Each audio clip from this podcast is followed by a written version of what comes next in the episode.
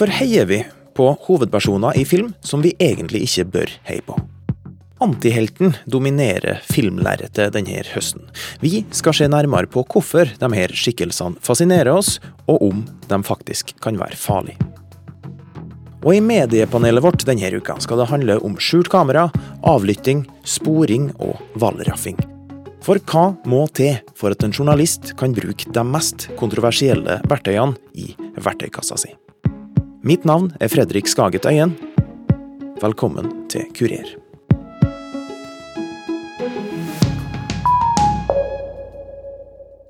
Hva er en antihelt? Eh, en antihelt er en hovedperson i ei fortelling som ikke er en tradisjonell helt. Grunnen til at jeg spør filmviter Mats Audsen om hva en antihelt er, er at det er det vi skal snakke om i dag. For på kino og på Netflix så florerer det av sånne helteskikkelser som egentlig ikke er spesielt heroisk. Filmen Joker er for eksempel å se på kino, filmoppfølgeren til serien Breaking Bad er å finne på Netflix, og neste måned kommer filmen The Irishman til norske skjermer. Og det er ikke helt tilfeldig at jeg nevner akkurat de her tre filmene, for sammen så forteller de oss ganske mye om den moderne antihelten. La oss starte med filmen The Irishman, som har premiere 27. november. Den er interessant i et rent filmhistorisk perspektiv. Dem som står bak er nemlig Martin Scorsese og Robert De Niro. To meget sentrale skikkelser, både om man snakker om moderne film og den moderne antihelten. De står blant annet bak det jeg tenker på som den prototypiske antihelten.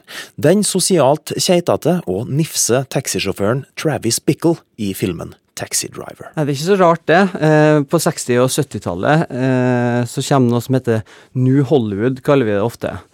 Eh, der du har nye, unge filmskapere som inspirert mye av europeisk film, for du har hatt masse antihelter der i forkant, altså. som lager mye mer komplekse protagonister, eller hovedpersoner, i sine filmer. Her har du mange grunner som støtter opp mot hvordan samfunnet var på den tida. Eh, der det på en måte kjentes ut som et behov for å se mennesker i fortellingene som ikke var på en måte 100% moralsk eh, klar, da. Ja, for sånn hadde det vært litt i Hollywood før? Ja, det er aldri en regel uten unntak, da, men hvis du tenker mer sånn i en generell forstand, så var det mer de, eh, de typiske heltene du kunne se f.eks. på 50-tallet, i den såkalte gullalderen. Antihelten var riktignok sporadisk å finne på film før det nye Hollywood gjorde sitt inntog. Det kan likevel virke som at antiheltens tilstedeværelse i film har noe med tilstanden til samfunnet å gjøre, og på 60- og 70-tallet så var grobunnen helt ideell. Jevnt over tror jeg du kan gjøre det til et poeng at eh, interessen for antihelten eh, kanskje er størst når tilliten til de gamle samfunnsbærende institusjonene er svakest. da. Kommentator og anmelder i Dagbladet, Inger Merete Hobbelstad. Eh, altså når man ikke føler at politikere og politi og eh, forskjellige myndigheter tar godt nok eh, i vare på, oss, vare på, oss, og at man lurer litt på hvor, eh, hvor verden er på vei. Eh, fordi eh, den klassiske superhelten spiller jo på lag med disse kreftene, ikke sant. Mm. mens antihelten vil jo Eh, ofte være i opposisjon. På 60- og 70-tallet er det jo Du kommer i etterdønningene, på en måte etterkrigstida. Eh, etter alle grusomhetene fra andre verdenskrig ble kjent. Du har Vietnamkrigen. Du har økonomisk trøbbel i samfunnet. Du har borgerrettighetskampene. Eh, når samfunnet, Det er i hvert fall teoretisert da, at når du har et sånt samfunn i bakgrunnen, eller at virkeligheten er såpass grå, så føles det på en måte ikke ekte å se rollefigurer som er veldig svart-hvite. At vi ikke husker 80-tallet som en spesielt grå epoke i menneskehetens historie, forklarer kanskje hvorfor antihelten så ut til å forsvinne litt i forhold til tiåret før. Men antihelten var på ingen måte død. Mm. Du kan godt si at den kom litt tilbake, i hvert fall mot slutten av 90-tallet.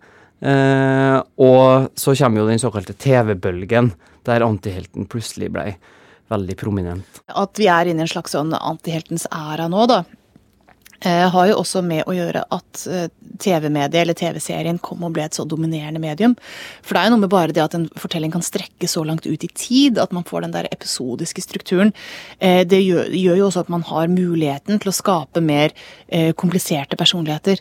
Går det an å snu litt på det òg? At, at antihelten kanskje skal ha litt av æren for at TV-serien i dag har en såpass sterk posisjon? Ja, ja, absolutt. Og fordi altså, Antihelten ville jo ikke vært et fenomen hvis ikke vi syntes han var kul. Eh, fordi de aller fleste av oss lever jo noenlunde regelbundet regelbundne liv. da Vi overholder de fleste normer rundt oss. ikke sant? Vi, vil gjerne, vi liker andre og vil gjerne at andre skal like oss. Vi eh, overholder trafikkreglene og nasker ikke på jobben òg. ikke sant? Altså man, man, prøver på en måte å, leve eh, i henhold til Eh, til de normene som alle andre lever etter, og, og vil ikke ta den belastningen det er da, å sette seg for tydelig utover dem. Og, og da er det jo klart at da er jo fascinasjonen desto større med noen som bare ikke bryr seg om det. Forrige uke hadde filmoppfølgeren til serien Breaking Bad premiere. TV-serien, som følger en lovlydig kjemilærers svalestup ned i kriminalitet, sto ikke bare i spissen for TV-bølgen, men illustrerer òg hvor flytende begrepet antihelt egentlig er. Altså, den, den antihelten som kanskje mest merkbart har bikket over og gått for langt, da. Men, men altså gått for langt som menneske, men ikke, ikke, for fortellingens skyld, det er jo Walter White i Breaking Bad. Men der gjøres det jo på en, på en ganske genial måte. Breaking Bad er jo historien om en god mann som blir ond. Mm. Eh, altså en som er eh, velfungerende, lovlydig, eh, lever i henhold til, eh, til liksom, eh, lover og regler og det han skal. og som pga. tar liksom ett eller to skritt i retning av mørket da, og kriminaliteten fordi han føler seg tvunget til det. Du kan jo diskutere, altså ved at, altså Han er jo en kjemilærer som begynner å lage amfetamin og, og selge det. Mm. Uh, og hvor det blir begynnelsen på ganske bratt nedadgående trapp. da. Um, der han jo ender som uh, altså en, en drapsmann og, og, helt nådeløs mann som det ikke lenger egentlig er tilgivelse for. I begynnelsen så sympatiserer jo seeren med Walter, altså som er en skikkelig fyr, men han har ikke penger og han får en kreftdiagnose og han strever med ganske mye rart og har en litt sånn uh, ufyselig svoger som liksom gjør narr av ham fordi han ikke er mandig nok og, og uh, er litt sånn slitsom å ha med å gjøre. Og det som veldig gradvis skjer gjennom serien, er at du hvert skjønner at det er, den, at det er svogeren som er helten. da. Mm. Uh, og at det er Walter som blir, uh, blir, skurken. Og det er alltid interessant å snakke med andre om når de, når de begynte å føle det. da, Når lojaliteten deres som seer skifter fra Walter til svogeren. Det er ikke meninga at du skal eh, være på sida til Walter White mot slutten av den serien. og det, det, er nok noe lignende du finner i en god del tolkninger der vi kaller dem antihelter. Så kommer det et visst punkt. Det her tar oss med over til den siste aktuelle filmen vi må ta for oss. Joker. En film som handler om hvordan en mentalt syk mann forvandles til den onde skurken man kjenner fra historiene om Batman. Den går sin kontroversielle seiersgang på kino nå om dagen, og har starta en debatt om de problematiske sidene av antiheltbegrepet. Er Joker en antihelt? Ja, jeg ser den blir kalt det, uh, i, de, uh, i, mye av debatten rundt filmen. Uh, og vi kan sikkert kalle den det.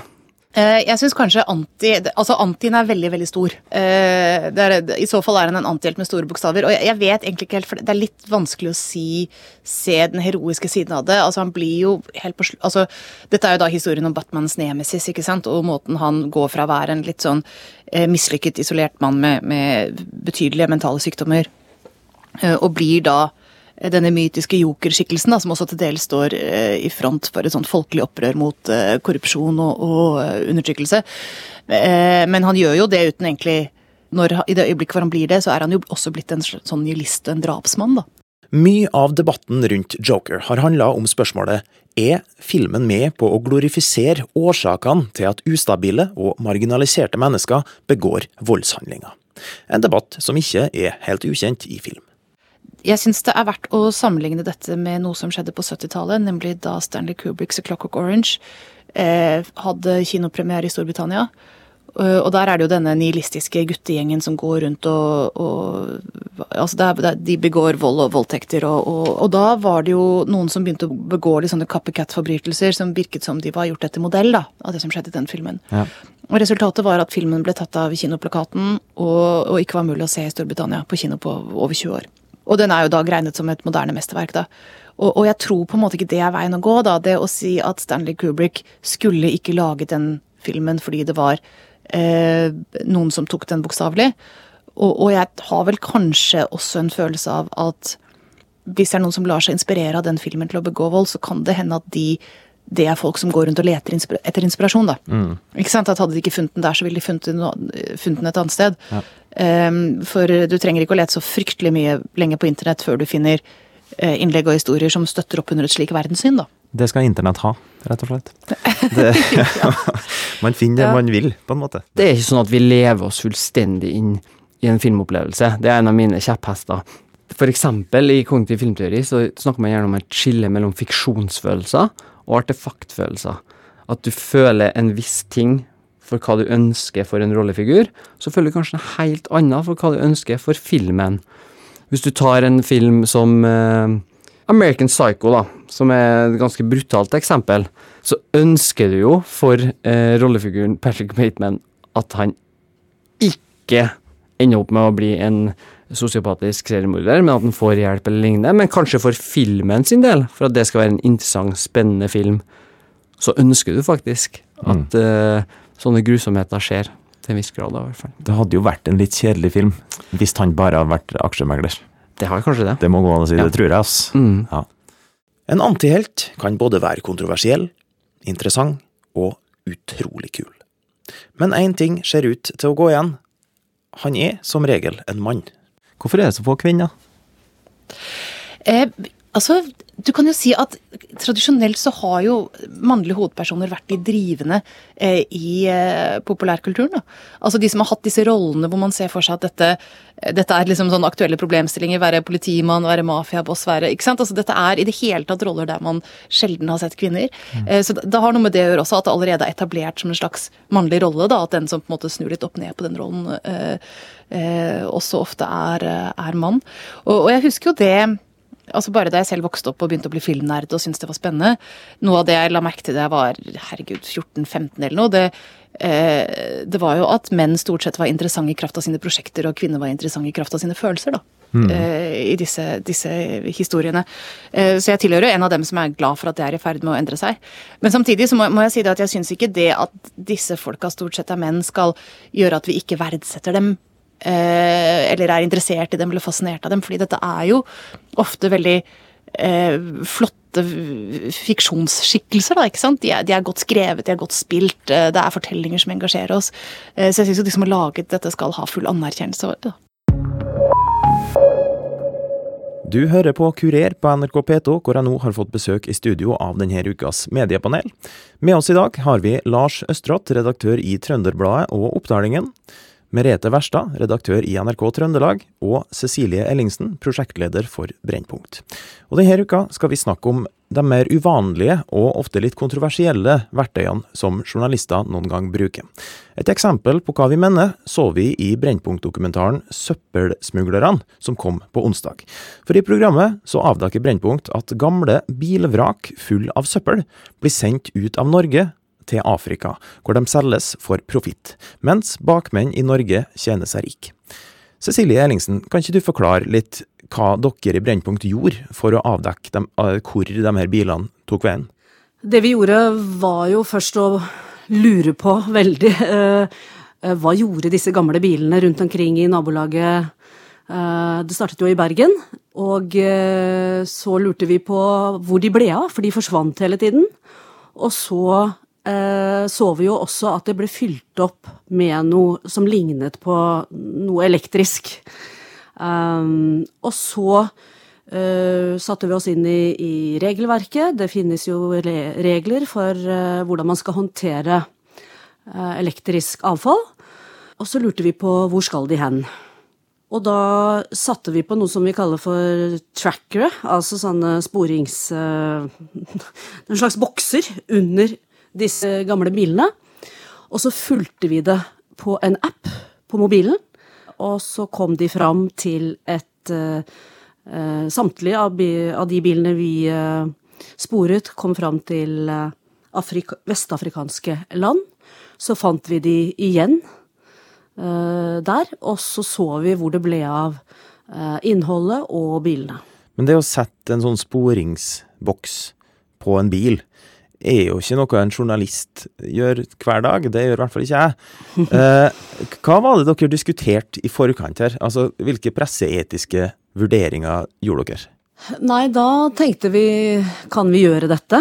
Um, det var jo absolutt ikke sikkert. Uh, vi har heldigvis en veldig uh, god uh, juridisk avdeling i NRK. Og vi har en etikkredaktør som vi diskuterer alle disse hva skal vi si, litt utradisjonelle virkemidlene som vi noen ganger tar i bruk, med. Og da gikk vi en runde der og fikk en uh, uttalelse fra juridisk avdeling at så lenge vi så lenge vi sporer en ting, ikke et menneske, uh, det er ikke person knyttet til person, så mente vi og de at det både journalistisk og juridisk var innafor, fordi vi her var interessert i å avdekke kriminalitet. Vi fant også ut at dette, kanskje, at dette var eneste måten å dokumentere hva som faktisk skjedde. Vi var opptatt av å finne ut ikke bare hvor bilene skulle hen, og hva som skjedde med de, og hvor mye penger det var å hente ut av dette her, men også, eh, også hva gjør norske myndigheter og myndighetene i de andre landene som disse bilene er inn, innom på vei til sitt eh, stoppested. For der fins det jo et regelverk som skal overholdes. De derre trackerne, de er sånn at uh, hvis en dør blir åpnet eller det skjer noen ting, så får man en melding på mobilen. Sånn at vi kunne se underveis om disse bilene ble kontrollert, åpnet eller andre ting. Og ingenting av det skjedde i de, i de bilene vi uh, fulgte. Lars Østrått, hvor vanlig er det at journalister bruker sånne virkemidler som skjult mikrofon, kamera, eh, såkalt valraffing, eh, og i dette tilfellet sånn GPS-tracking? Eh, ikke veldig vanlig. Det er jo vi jo på en måte følger jo Vær varsom-plakaten, og det står jo at det skal brukes kun unntaksvis. Hvis, du, hvis det er eneste muligheten, og du avdekker, kan avdekke noe av hva er det, vesentlig samfunnsmessig betydning. Så det er jo Det skal være sjelden. Det skal ikke være sånn at, at journalister skal være undercover, ta opp ting. Vi skal være åpen og redelig, og du skal vite hvem du snakker med, som regel. Uh, Merete Wærstad, har du vært borti det her før? Eh, ja, og når jeg hører på Cecilie i Brennpunkt her nå, så vet jeg det at vi i vår lokale redaksjon i 2005 ikke gjorde nesten noe av det som Cecilie sa her. Eh, for vi ble felt i PFU i en eh, sak med, med skjult kamera.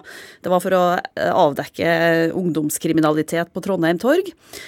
Uh, og, men vi, lær, vi lærte veldig mye av det. Uh, og jeg tror nok at det var litt mer sånn cowboyvirksomhet. At det var litt lettere å Oi, eh, det er litt kult å være Valraff. Eh, og liksom ut med skjult kamera. Etter den episoden der så lærte vi veldig mye i forhold til at ja, man må stille spørsmål hvorfor gjør vi dette her. Det skal være unntaksvis at man tar i bruk såpass drastiske metoder, og det skal være av stor nok samfunnsmessig betydning. Og det var det vi ble felt på. Ja. Men hva betyr egentlig det? Altså Det er jo et subjektivt begrep. Ja, ja det er det. Uh, og da er jeg jo også veldig glad at vi, f.eks. vi i NRK Trøndelag, også er jo en del av det store NRK som har et veldig bra støtteapparat rundt oss. Uh, vi har etikkredaktør i dag, vi har en sterk juridisk avdeling, så vi har mulighet til å uh, å diskutere med flere, da, men et godt nok svar. altså Det er jo ifra hvilken sak det er, altså. Og man må i hvert fall tenke gjennom er det mulig å avsløre dette her på noen andre måter enn å gå inn med skjult kamera. Hva tenker du, Eriksen? hvor går grensa der? Hvem er det som bestemmer om en sak er vesentlig, eh, av vesentlig samfunnsmessig betydning? Ja, nei, Det er jo en vurdering, men det, er, eh, det finnes jo lover og regler i dette landet. Sånn at eh, hvis det er lovbrudd vi ønsker å, å eh, avsløre, da, så er jo det en pekepinn på om, om dette er av vesentlig betydning.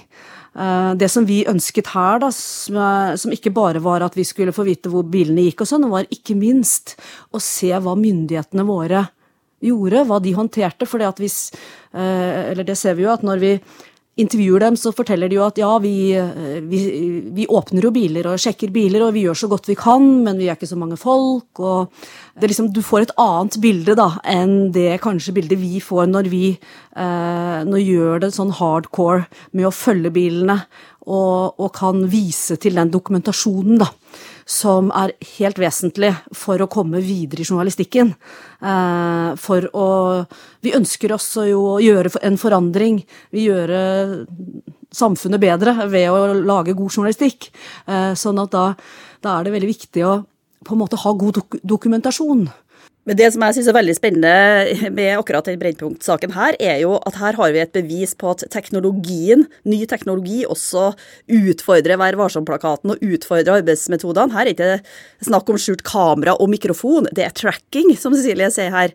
Og der vil vi få stadig nye ting, så det blir utfordrende å henge med på eh, de uante mulighetene som, som byr seg etter hvert, altså. Mm. Hva er det som skiller ja. det fra overvåking? Hadde man plassert en sånn på, en, på feil bil, da? Hva har konsekvensene vært? Ja, nei, altså vi Veldig godt spørsmål. Tydeligvis et godt spørsmål. Eh, altså det, det, som vi var veldig nøye på, da, det var jo at eh, dette skulle eh, Vi fikk veldig streng beskjed om fra juridisk avdeling at vi måtte ikke gjøre mer enn det som var høyst nødvendig. Altså, ikke sant, Man kan kanskje ta litt og se hva slags uante muligheter man har eh, filmatisk og fortellermessig og sånne ting. Eh, det var veldig viktig at vi holdt oss veldig godt innafor at vi skulle avsløre businessen. Eh, det var alltid biler som vi hadde kontroll på. Vi, som, for de som har sett filmen, så ser du at vi også driver et researcharbeid i forhold til hvor disse bilene kommer fra. Vi hadde kontroll på hvem som hadde eid de før, uh, hvem som hadde solgt de, uh, en del sånne ting. Og skiltene var tatt av. Vi hadde ganske dårlig tid, fordi det gikk veldig kort tid fra det ble plassert en bil i en gate uh, uten skilter, til den ble fjernet. Noen ganger bare noen dager, andre ganger litt mer lengre tid. Sånn at vi visste jo at det måtte ha en del sånne helt konkrete ting, da. Uh, som, som, om at, at, skiltene var tatt av. Bilen hadde akkurat kommet. Uh, uh, ja. Mm. Altså, man ser, man ser, jo at sånne metoder er veldig effektive når man bruker dem riktig. så hvis man snur litt på det, er vi tøffe nok til å bruke dem når vi merker at vi kan? Er egentlig det du spør meg, er om pressen er kritisk nok. Og det tror jeg kommer på hvem du spør. Jeg tror mange tilfeller kunne nok helt sikkert ha brukt uh, skjult kamera eller teknologi uten at jeg kunne si liksom der skulle man gjort det. Men det, jeg tror det er rom for flere, kan jeg si det sånn. Men jeg må være veldig forsiktig, altså. Ikke bare gjøre det fordi at det er kult. Nei, hvis jeg kan bruke et eksempel, da, så hadde vi en film som het uh, 'Griseindustriens uh, hemmelighet'. Uh, i, rett før sommeren, som handlet om at vi da avslørte med skjult kamera uh, hvordan en del bønder uh, behandlet dyrene sine. Det var jo også en veldig sånn, krevende etisk vurdering som ble gjort i forhold til metodikk. Det vi avslørte, var jo selvfølgelig at uh, disse dyrene ble behandlet dårlig, men også noe som Mattilsynet og andre kontrollinstitusjoner sier i ettertid at ikke de har mulighet til å avsløre, nemlig holdninger hos vanlige bønder til sine husdyr. Eh, og det er ting som er viktig, eh, og som er veldig vanskelig å avsløre også for vanlige kontrollinstitusjoner. Da. Det får bli siste ord, for det var alt vi rakk i Kurer i dag. Eh, takk for at du stilte opp, Lars Østrått, redaktør i Trønderbladet og Oppdalingen. Merete Verstad, redaktør i NRK Trøndelag, og prosjektleder i Brennpunkt, Cecilie Ellingsen. Produsent for denne sendinga var Randi Lillealteren, og mitt navn er Fredrik Skaget Øyen.